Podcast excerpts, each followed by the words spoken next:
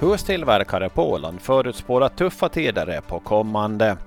Johan Aller, delägare av Elementbyggen, säger att läget fram till sommaren är bra för deras del men att de märker av att förfrågningarna börjat minska.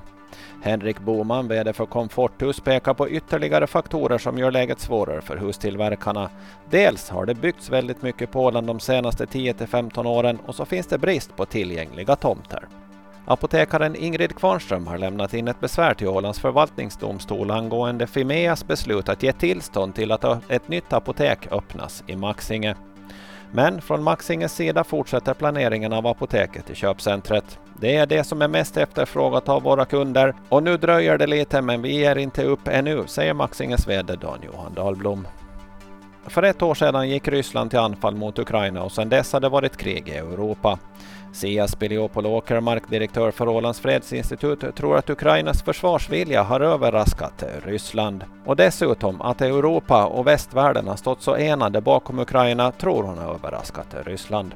Det här var Ålandsnytt på en minut med Ove Sjöblom.